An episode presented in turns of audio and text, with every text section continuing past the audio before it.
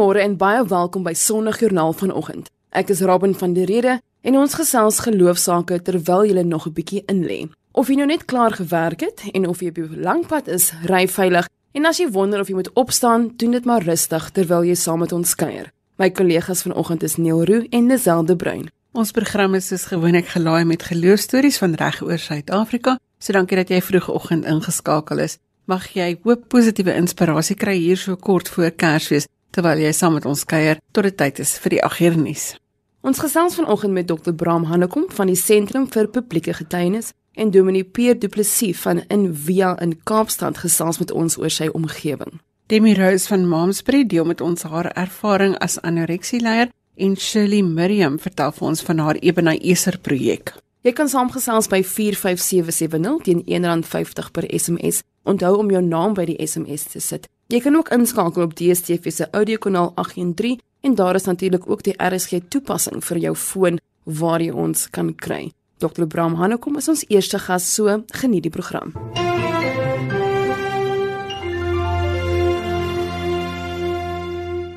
Dr. Bram Hanekom is van die Sentrum van Publieke Getuienis. Hy gee so elke nou en dan 'n oorsig oor relevante politieke gebeure van die dag En ons gesels vanoggend oor die nodigheid om verantwoordelik en denkend met inligting om te gaan wat tot ons beskikking is. Goeiemôre Bram. Goeiemôre Lisel en goeiemôre aan al die luisteraars. Baie dankie dat jy vanoggend 'n tydjie hier aan ons afstaan. Kan ons gestil staan by die media se rol in byvoorbeeld die verkiesing van Donald Trump? Ons hoor, ons sien die goed wat hy doen. En dalk nader aan die huis, dieselfde ding gebeur hier met die EFF. Kom ons begin eers by die media se verantwoordelikheid oor hoe berig word met inligting. Lisel dit bly 'n komplekse maar 'n verskriklike belangrike vraag wat ons nie kan van wegstaan nie. Miskien is dit goed dat ons 'n oombliekie wegkyk van onsself en ons eie konteks. Dit maak dit so 'n bietjie makliker as dit verder van jou lyf af lê. Ek was bevoorreg om so tyd gelede op Stellenbosch te luister na die internasionaal erkende sosioloog Manuel Castells. En hy's besig om 'n boek te skryf, The Crisis of Modern Democracy. En daarin verwys hy onder andere na die verkiesing van Donald Trump en ook Brexit. Hoe op dese aarde dit gebeur. En die eenvoudige punt wat hy oor Trump maak is dat Trump dit reg gekry het om die totale media ruimte so te okkupeer en te domineer dat daar eintlik geen plek vir ander politici was nie. Die media wat eintlik in konflik met Trump beland het, het te gereedelik al die sensasionele en selfs soms absurde uitsprake opgeslurp en het dit dan uitgesaai. Dit kan baie maklik gebeur, nê, nee, met elkeen van ons. Goed wat net in jou eie lewe ook gebeur, dat die sensasionele of dat daar 'n stem is wat so inspel op jou dat dit al is wat jy hoor. Ja, mense beskuldig soms die media dat hulle net vir die sensasie gaan, maar jy's heeltemal reg. Ek dink daar is maar so 'n virus wat in ons almal sit.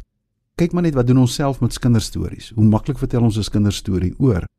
Omdat dit net 'n lekker storie is om te vertel. En dit gebeur dan. Maar die goed het, soos mense soms sê, gevolge wat jy nie voorsien het nie. Soos Engelsman sê unintended consequences. En dit het letterlik gebeur en Trump het dit gedoen en hy het die ruimte geokkupeer en die res is geskiedenis. Hy het natuurlik 'n paar ander dinge ook in sy mandjie gehad soos die inspeling op die vreesagtige siege van die Amerikaners en meer, maar ek dink dit moet vir ons almal 'n baie belangrike les wees. Wat is die verantwoordelikheid wat ons het? Kan ons die verantwoordelikheid wat ons leer uit die media deurtrek na ons eie persoonlike lewens toe? Lisel, ons moet dit doen. Ons moet dit doen en ek dink die groot uitdaging gaan wees om te sê, maar erns langs die pad moet daar veilige luisterende ruimtes geskep word waar mense na 'n diversiteit van stemme kan luister, maar regtig na mekaar luister as gelyke vennote na mekaar luister nie die spreekwoordelike ekkokamers skep waar mense eintlik dieselfde stemme oor en oor hersirkuleer en dan as hulle uit die ruimte tree op 'n afstand van mekaar staan en skree nie. So dit is die verskriklike belangrike ding. So kan ek net eers sê ons het die media nodig. Ons het die media nodig. Ons sien in lande wat gebeur wanneer die media nie 'n rol het nie. Ons het dit in Zimbabwe gesien het, ons sien dit in die Midde-Ooste. En ons in ons eie land kan ons onsself maar net indink wat sou gebeur het as die media nie die rol gespeel het om korrupsie en wat ook al te ontbloot nie. Maar die vraag is hoe vat ons dit verder ook in ons eie ruimte waar ons as politici, as ekonome, as die kerk, maar ook as persoonlike individue funksioneer om hierdie veilige ruimtes te skep. Jy is gedurig in gesprek met mense. Wat is hulle terugvoer oor slaggate byvoorbeeld wat oor en oor gebeur? Ek gaan een sensitiewe voorbeeld noem. Ek het nou die dag was ek in gesprek met iemand wat nie van dieselfde taal of ras of agtergrond as ek kom nie. En ons praat oor Steinhof. En ek sê toe sommer hoe op dese aarde gebeur so iets as jy met 'n direksie sit waarin daar duidelik soveel kundigheid in is. En toe met 'n glimlag maak hy die antwoord. Hy sê wel as almal van dieselfde taal, dieselfde agtergrond, dieselfde kultuur, dieselfde geslag kom, dan kan jy 'n hoog gekwalifiseerde persone kry, maar ergens langs die pad ontstaan daar blinde kolle wat maak dat jy nie sien wat jy moet sien nie en die perspektief gaan verlore. En dis maar een klein voorbeeldjie en die vraag weer eens in ons eie taal, in ons eie konteks, in ons eie lewe. Hoe maak ons seker dat daardie veelvuldigheid van stemme teenwoordig is? Weet julle self as ek net in die kerke voorbeeld kan gebruik, as ek byvoorbeeld sien as jy in 'n ekumeniese vergadering sit waar mense oor van die komplekse uh, vraagstukke in die land begin praat of dit 'n grondhervorming of wat ook al is, hoe die gesprek net 'n ander toonaard kry wanneer daar 'n diversiteit en 'n verskeidenheid Suid-Afrikaners wel saam om die tafel sit. En ek dink dit is die uitdaging wat ons het ook in die nuwe jaar. Praat vier Dinsdag Kersfees. Ons praat geloofsake. Wat is ons verantwoordelikheid om ook die boodskap van Kersfees met verantwoordelikheid uit te dra? Hulle self, dit is inderdaad 'n fantastiese tyd van die jaar en ons wil so graag liefde en vrede en vreugde beleef en dit is ook my innige gebed vir ons luisteraars. Maar kom ons neem net die Kersboodskap en ons maak dit konkreet in hierdie situasie. Die Kersboodskap het baie kante en baie dimensies, maar een wat uitgaan is die Christuskind wat 'n alternatiewe stem bring in 'n donker wêreld. Jy moet jou vyande lief hê, jy moet 'n ander wang draai, jy moet vrouens en kinders respekteer so 'n totale alternatiewe stem en dan kom iemand soos Herodes en hy probeer letterlik hierdie stem doodmaak, uitdoof. Maar genadiglik gaan dit voort en ons ken die res van die geskiedenis in universiteite, in die kuns en literatuur en die musiek. En hierdie stem net bly voortbestaan en die vraag is, hoe gaan ons Kersfees vier? Ook in ons eie denke, ook in ons nadenke, ook as luisterende gelowiges om te sê, maar laat ons hierdie boodskap neem en dat ons dit indra in hierdie wonderlike land van ons en dat ons daaruit leer sodat ons in 2019 regtig by die plek kan uitkom wat die Here vir ons in gedagte het. Die boodskap van liefde en vreugde en vrede is dan nou die een wat ons uitdra. Jou Kersboodskap vir Dinsdag. My Kersboodskap is dat ons met dankbaarheid hierdie fees sal gaan vier. In 'n wêreld waar weet dit lyk of dinge donker is en dis nou nie 'n sinspeling op Eskom nie jy weet mense kan nou 'n goedkoop storie daarvan maak in hierdie dae, maar ek wil Jesaja 9 die volk wat in donkerte geleef het, 'n lig gesien. En hierdie lig wat uitkom uit Jesus Christus. Maar dan ook in ons dag en tyd om te weet dat die gees van hierdie Christuskind, die gees van Christus, kom na ons toe en gee vir ons die geskenk van liefde en vreugde en vrede. En dat ons hierdie geskenk sal oopmaak, dat ons dit in ontvangs sal neem, dat ons sal smag daarna en dat ons sal dit sal gaan uitdra met dankbaarheid. Ek hoop regtig dat dit 'n dankbare fees sal wees. Jy weet, mense raak so maklik negatief oor Suid-Afrika. En dan verloor ons perspektief. Ons sien nie dat ons byvoorbeeld 29ste uit 230 lande in die wêreld is as dit kom by die grootte van ekonomie nie. Ons sien nie meer die natuur nie, ons sien nie meer die mense nie. Ons sien nie meer ons prestasies nie. En ons dink as ons nie die heel beste in die wêreld is nie, is ons die heel slegste. En mag ons uitgaan met dankbaarheid, maar ook met 'n verwagting dat die Heilige Gees met ons sal wees en met daardie gesindheid Kersfees gaan vier. Ons is dankbaar dat jy vanoggend tyd saam met ons kon spandeer en geseënde Kersfees ook vir jou en jou gesin vir Dinsdag. Dankie Lisel en geseënde Kersfees vir al die luisteraars. Mag dit 'n besonderse besonderse tyd vir julle wees. Die stem daarvan Dr. Bram Hannekom. Goeiemôre, as jy nou net by ons ingeskakel het. Jy luister na Sondagjoernaal waar ons geloof en godsdiens gesels op RSG 100 tot 104 FM. Gesels saam by 45770 teen R1.50 per SMS. As jy dink gesond eet is altyd 'n goeie ding, moet jy nou fyn luister. Demi Rose is hier by ons in die ateljee om haar geloofstorie te vertel.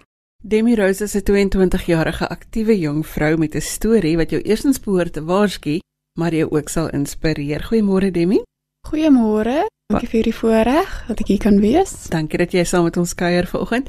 Jou storie klink vir my effe agterste voor om. Jy is 'n gesonde, aktiewe jong meisie wat gefokus het op gesond eet en toe het dit in anoreksia omgesit. Deel met ons jou storie. Ja, dit het eers begin met orthorexia. Ek weet nie of mense weet van dit nie.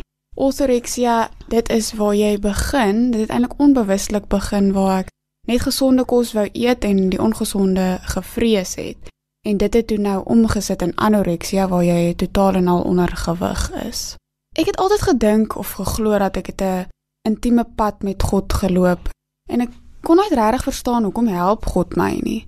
En ek het in hierdie proses na omtrent 4 jaar wat dit my gevat het, het ek agtergekom dat ek heeltyd dit uit my eie vermoë en uit my eie krag wou ek wou my eie krag gebruik om hier uit te kom en dat ek nie regtig totaal oorgegee het soos wat ek veronderstel was om te doen aan ons hemelse Vader nie.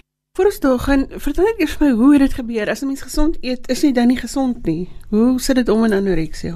Kyk, ek as ek praat van gesond eet, dit is 'n mate van jy het 'n vrees vir sekere kosse en in jou kop beskou jy sekere kosse as gesond en nie gesond. So dit begin met jy fokus net op die gesonde maar dan laterand dan sny jy nog bietjie uit, nog bietjie uit. So dit verskil baie van persoon tot persoon wat 'n eetversteuring ontwikkel. Vir die een persoon sal hierdie gesonde kos dalk ongesond wees. So dis baie ja, dis 'n hele afdraande pad van die een dag dink jy nog hierdie ding is gesond en dan 'n maand later dan sny jy dit Goed, so dit gaan uit. oor wat in jou kop gebeur wat jy jy dink ja, jy eet gesonde kos, maar dit is nie noodwendig. Ja, ja, baie mense dink dit is eintlik met dit wat jy eet, maar dis 'n mindset kan ek amper half sê. Dit is baie meer as net om te eet. En hoe het jy toe besef jy is in die moeilikheid? Uh, mens kon dit sien en ek het dit geweet in my hart en in my gedagtes. Dit is iets dit put jou emosioneel totaal en al uit. Ek het geweet daar's iets fout en ek het geweet dit kan nie um, God se plan wees vir my lewe soos wat ek gelewe het nie. En ek het geweet die vyand is besig om my aan te val. Goed, so vertel ons watter proses het geloof gespeel in jou gesond word pad en hoe dit jou staande gehou?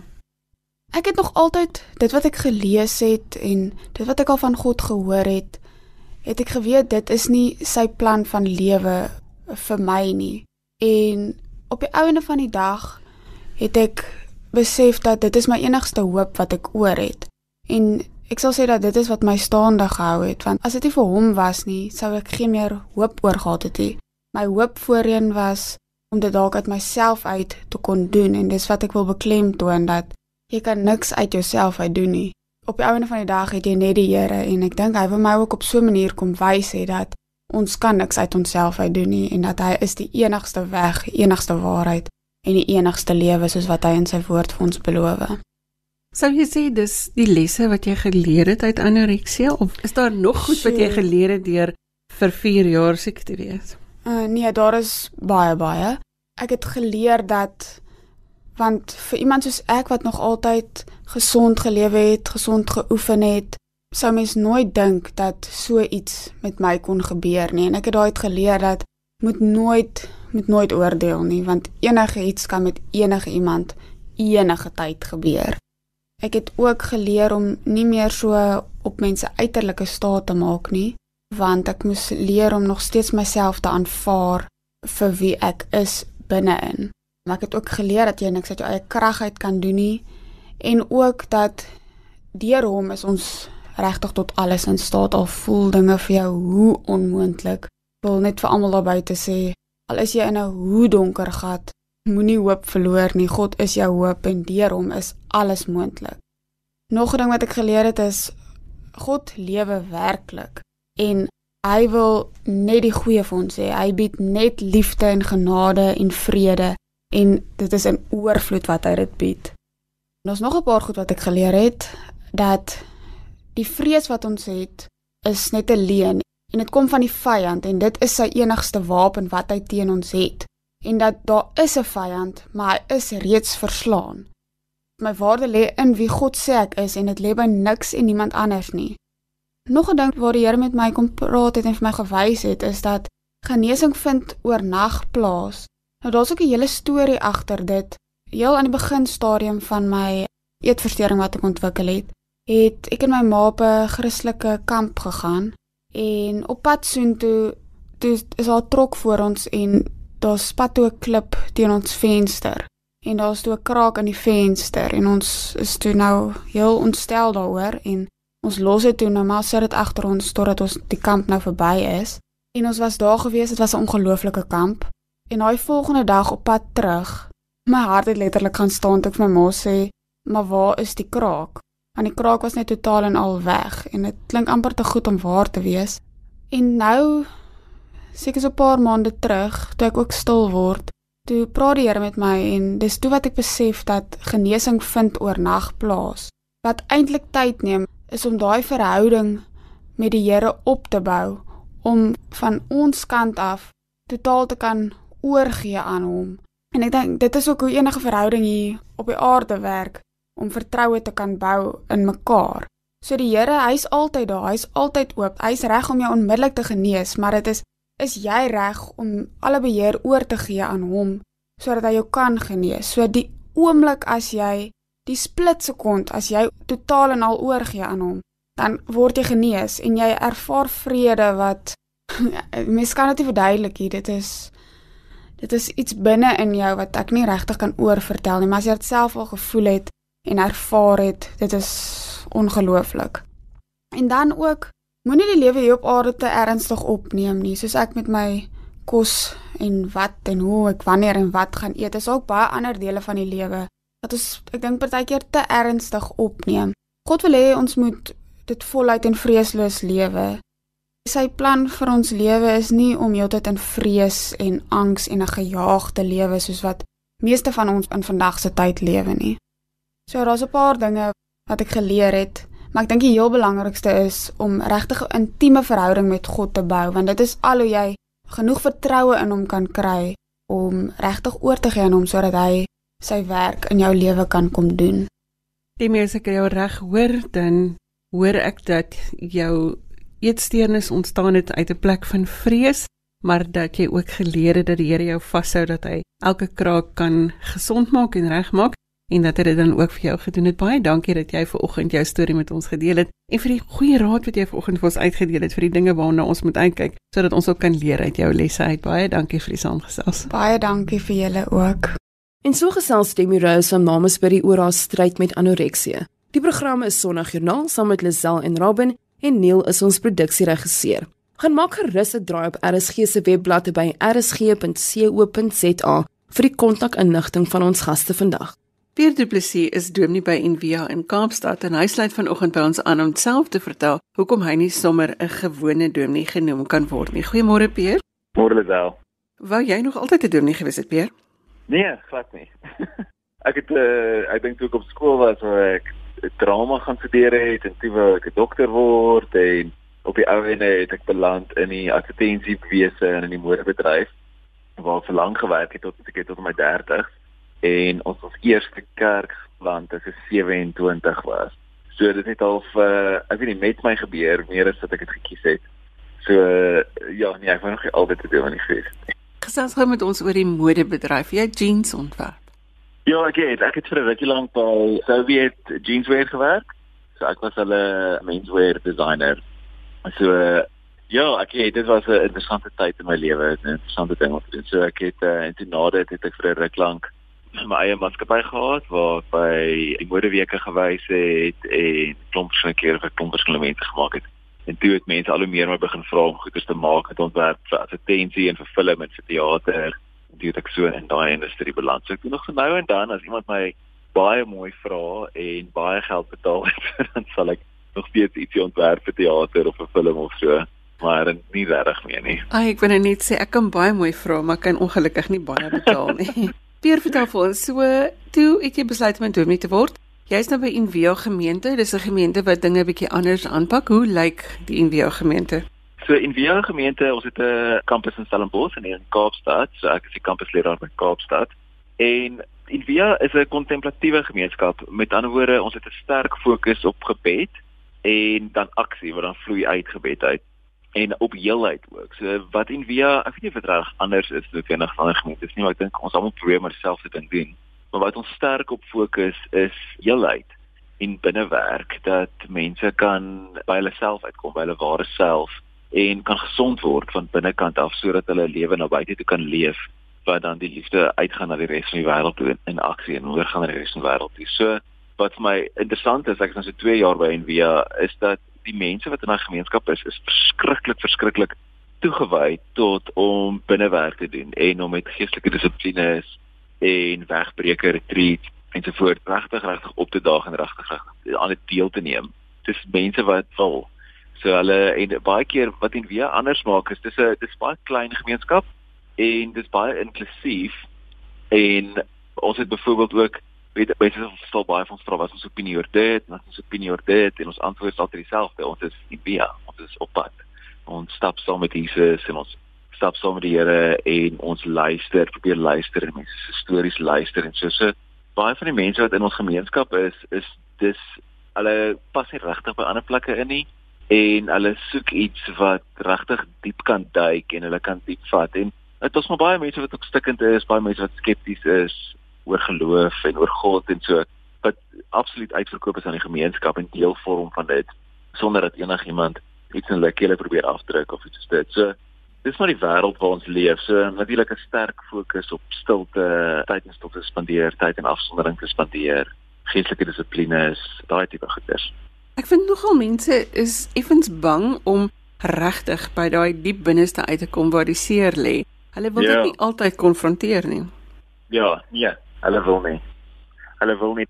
Dis mos soos vir ons enige van ons, dis maar 'n verskriklike plek of 'n bangmaakplek wat ons nie graag wil sien nie. Dis moeilik om na jouself te kyk en eintlik jouself te sien, maar ek dink daai is die groot uitnodiging van ons reis saam met Jesus en ons reis net in spiritualiteit, dis die aflegging van die valse self om dood te gaan aan jouself sodat jy kan lewe, sodat jy 'n nuwe lewe kan kry. So ek dink en daai tema maar om dood gaan is nie maklik nie en dit is nie lekker nie. Niemand wil dit doen nie. Ek sê altyd weet die Paasvrydag is die Sondag vooruit. Die dood gaan altyd die opstanding vooruit en ons hou baie van Paas-Sondag. Dis baie lekker veral in 'n protestante tipe teologie en so is ons mal oor Paas-Sondag, maar Goeie Vrydag is nie so lekker nie. Dit is moeilik. Daar's swaar kry en ons pyn en ons seer en goed. En as jy nie in dit instap nie en in dit in kan staan nie, dan gaan jy nie daai dood beleef nie. Dan gaan jy so teen ook dan nie die opstanding beleef nie. So dis ons almal moeilik. Maar dis die uitnodiging. Jy het nou half laat besluit om predikant te word. Watter rol speel geloof in jou lewe? Pierre, hoe belangrik is dit vir jou? Dis my verskriklik belangrik. Ek dink 'n geloof is vir my dis my kompas. As ek heeltyd dink wat is my wat is my doel in die lewe en waarheen wil ek gaan en waar wil ek eindig en wat wil ek hê? Ek dink dis tog die vraag wat ons almal vir onsself vra. Weet wat wil ek hê? Wat wil ek hê uit hierdie lewe uit? En ek het nou al tussendeur 'n klomp verskillende goeders gegaan oor wat wil ek hê. En op die ou en die enigste ding wat my besig genoeg hou en my aandag genoeg lank vashou en vir my vreugde gee en hoop gee is om te wil lief wees vir God. Ek voel baie keer so uh, Saint Teresa wat sê ek wil ek ken die Engels beter. I want to want to love God. So daai ek wil wil God lief hê.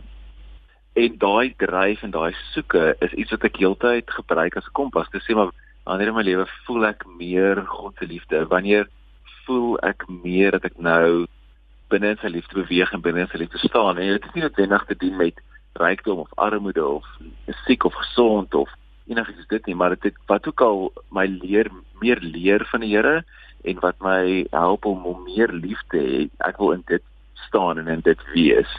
Maak saak wat dit is nie, want want ek dink mense is baie keer geneig of ek is mense baie keer geneig weet om net wanneer dit goed gaan dan dink jy ja, nou is die Here by jou, maar die Here leer mens net soveel of eintlik meer in swaar kry en in moeilike tye van onsself en van sy liefde en so ook. So ons is geneig om te vinnig te wil uit swaar kry uitklim of dit te ignoreer of dit te vinnig te onderdruk in plaas van om te sien wat sy geskenk het vir ons bring.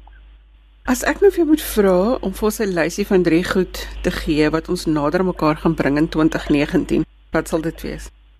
Ek dink die eerste ding om te doen is maak 'n nuwe vriend. Maar maak 'n vriend wat nie soos jy lyk nie. 'n Vriend wat nie dieselfde kleur as jy is nie, wat nie dieselfde geloof is nie, nie dieselfde seksualiteit nie, iemand wat heel anders is as jouself. Ek dink daar is super super super belangrik en iets wat ons nie gereeld doen nie en ek dink iets wat brood nodig is in ons land en net vir onsself ons hy groei as mense want ons dink almal dink ons is die meerderheid en eintlik is amper niemand die meerderheid nie. So om net te besef maar jy is nie eintlik die normatief nie. Jy is nie wat normaal is nie. Jy is eintlik ook net so anders vir ander mense. So ek dink daai is een ding. En dan eet gereeld om 'n tafel, saam op 'n tafel. Gaan jy verstaan te bo hoe min mense eintlik om 'n tafel sit en eet. Sommige net in die week. Dit is nie nou 'n spesiale geleentheid te wees nie, maar sit net in die week saam, saam met jou gesin, saam met jou vriende, saam met jou lewensmaat en sit net om 'n tafel in plaas van voor die TV en eet saam. Is my mense eet ook al almal op hulle eie tyd. Al die kos word gemaak en almal gryp dit en gaan eet iewers in die huis of druk dit in hulle mond op pad kar toe of wat ook al. So om net om saam te eet, ek dink daai is so verskriklik waardevol en so iets wat ons glad nie meer gereeld genoeg doen nie. So as mense net sê vir hierdie jaar gaan ons een keer 'n week of twee keer 'n week gaan ons saam eet, selfs as dit Sondagmiddag ete of wat ek al net mooi lekker saam op tafel sit. En dan uh, die laaste ding is as jy skryf 'n vriend van my Tom Smit, hy sê altyd as jy iets iets iets wil verander in jou lewe of nader aan ander mense kom, skuif jou lyf.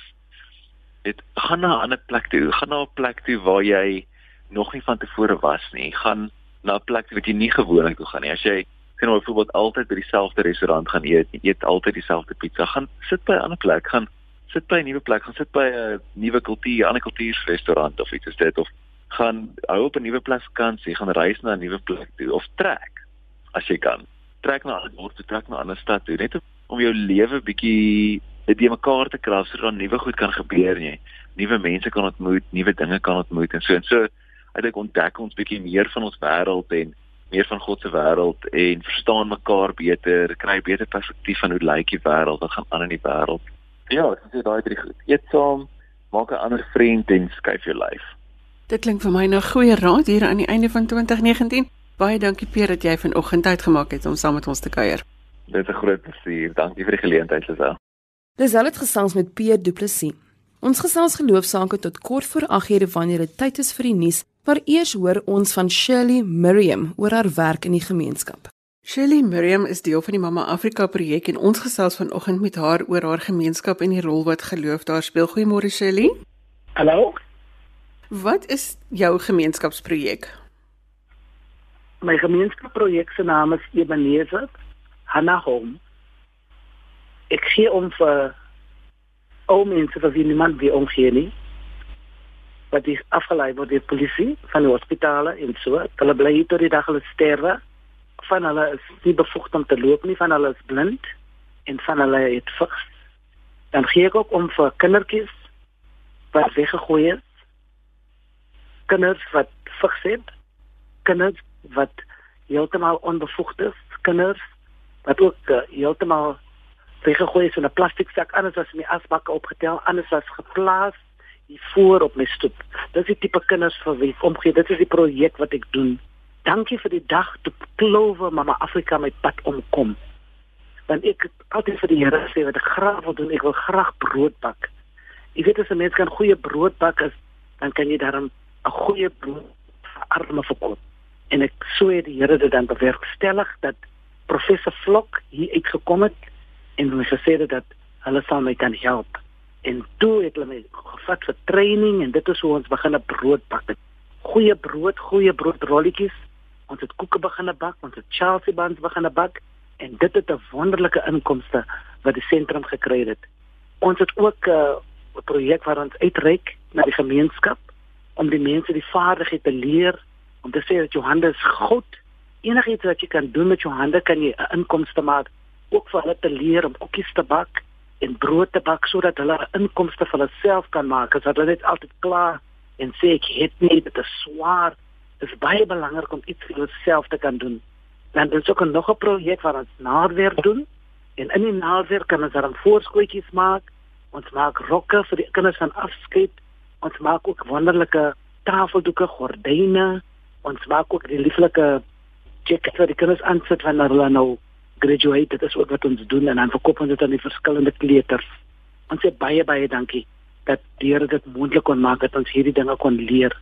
Ons het ook nog 'n projek wat ons mosaïekloot doen, waar ons tafels oortrek met teëls, verskillende kleure teëls, ou tafels en ook soos skinborde, niks word weggegooi nie.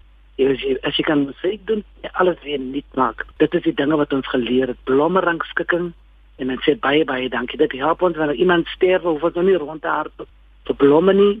Ons kan ons eie blomme rangskik. Ook wanneer ons funksies het, maak dit so moontlik dat ons ons tafels baie baie mooi kan maak. Baie baie dankie vir Klou wat het ons pad omgekom het en dankie ook vir hulle wat help om die verskil te maak sodat ons kan gehelp wees om uit te reik ook om ander te help sodat hulle kan besef jy moet nie net daar sit en kla nie maar jy moet iets kan doen om 'n verskil te maak. Ek is besonder dankbaar vir die Here want was dit nie vir die Here nie weet ek nie waar sou ek my bevind het nie. Sherry, ja? vertel vir ons watter omgewing is jy en wat is die uitdagings in jou omgewing? Ek is in Sweetwater. Die uitdagings wat ons het, enige kere wanneer ons sien ons 'n busie breek is om die kinders skool toe te vat of kragonderbrekings, dan kan ons nie al ons groot uh, aflewering het vir ons bestellings nie. En dan as 'n kragonderbreking het, dan is ons kragonderbreking dan ons se water, dan sukkel ons 'n bietjie. Dis die dinge wat ons doen en nou dat dinge so geraak het, is dit moeilik om by alle dinge uit te kom. Die kinders en die ou mense met wie jy werk, wat is hulle omstandighede? Is dwelms en dranke probleme in julle omgewing? In die gemeenskap ja, dit is waarom ons uitreik na hulle toe. Maar die kindertjies wat ons hiermee werk, is kindertjies wat weggegooi is. Watter rol speel geloof in dit wat jy doen? Is baie belangrik om te glo dat jy kan verander. Die Here gee 'n nuwe hoop en die Here gooi niemand weg nie. Here is lief vir jou net vir wie jy is. En hy is bereid om jou te help in enige omstandighede. Is God bereid om jou te help? Maar al dan wat van die persoon homself afkom en sê ek is gewillig dat God my kan help. Ek is gewillig om daai ekstra myl te vat sodat die Here die 10 tree nader aan my kan vat. En dit is vir ons baie belangrik want ons is afhanklik van die Here af om te bid en te vas is een van ons sleutelpunte van die Ebenezers hier na hom. Shirley sê vir my, wat het dit vir jou persoonlik beteken om ook by hierdie projek betrokke te wees en hoe het dit jou geloofslewe beïnvloed? Omdat ek self dit ek het nie bes verstaan my lewe nie, dat ek dit self opgegroei as 'n weeskind. Ek het my ouers verloor by ouderdom van 10 jaar oud en daarvandaan wil niemand in my familie my gehad het nie vir my of my boetie en so het ons dan op die strate gebly. En deur dit het ek geleer om God te vertrou vir alles wat ek nodig het. Dit was 'n swaar skool. Want menige kere was dit nie vir my om te eet nie, maar ek kon seker maak dat is vir my broer. En so het Psalm 121 'n werklikheid in my lewe geword. Want dit is die Psalm wat waarop ek staat gemaak het elke dag van my lewe. Tot ek groter geraak het en ek het my begeerte was om eendag 'n onderwyser te word, God het dit so bewerkstellig, so het dit geword dat ek 'n onderwyser geword het tot die Here my geroep het om hierdie projek te begin. En hy roep my in 'n wonderlike manier om te sê, "Shirley, ek wil graag hê jy moet 'n hawe oopmaak vir gebroke skepe." En die hawe moet wees Ebenezer tot hiertoe het die Here ons gedra. En dit is hoe ons die projek begin het. Shirley, ons staan nou hier na Kersfees se tyd. Wat is jou boodskap vir mense wat in moeilike situasies is wat dalk nie weet waar môre se kos vandaan gaan kom nie. En my bemoediging vir hulle vandag is om te sê daar is hoop. Môre sal die son weer skyn. Dit is dieselfde nie. In die einde van die tonnel is daar 'n lig. God sien hulle raak en God kan 'n weg maak. Die belangrike punt wat hulle moet doen is om uit te roep en sê Here, help my. Wat onmoontlik is by die mens is moontlik by God en die Here sal dan 'n weg maak in iemand se hart werk om 'n verskil vir hulle te maak gedurende hierdie Kersfeestyd. Want God slymer of slaap soos ek sê. Psalm 121 is 'n werklikheid in my lewe en dat dit ook vir hulle 'n werklikheid moet word om te besef dat God se oog deur kruis die aarde en dit is 'n wonderlike bemoediging dat hy sien jou raak in jou toestand en help jou uit op 'n tyd wanneer jy nie verwag nie maar hy's nooit laat nie. 5 voor 11 kom hy in vir 11 uur. Dit is hoe die Here werk. Ons sê dankie vir sy genade. Shelly baie dankie vir dit wat jy doen en baie dankie dat jy op dit vanoggend met ons gedeel het. Dankie daarvoor. Baie dankie. Lisel was in gesprek met Shelly Miriam. Ons het vanoggend gesels met Dr. Bram Hannekom van die Sentrum vir Publieke Getuienis, Dominee Pierre Du Plessis van Invia in Kaapstad, Demi Rose van Mamasbury en Shelly Miriam. Onthou, Daar is heelwat programme op RSG wat jou sal geselskap hou deur die res van die dag. Skakel gerus in vanmiddag 05:30 wanneer Johan van Lille oor onderwys sake gesels. Tot volgende week sê ek eers totsiens. Jy kan vir my e-pos met kommentaar of as jy 'n geloostorie met ons wil deel. My e-posadres is lizel@wwmedia.co.za. Dis L E Z E L L E by wwmedia2w.co.za. Tot volgende week groet ek namens produksieregisseur Neil Roo. Onthou maak punt daarvan om uit te reik en om iemand se dag makliker te maak. Tot volgende week. Totsiens.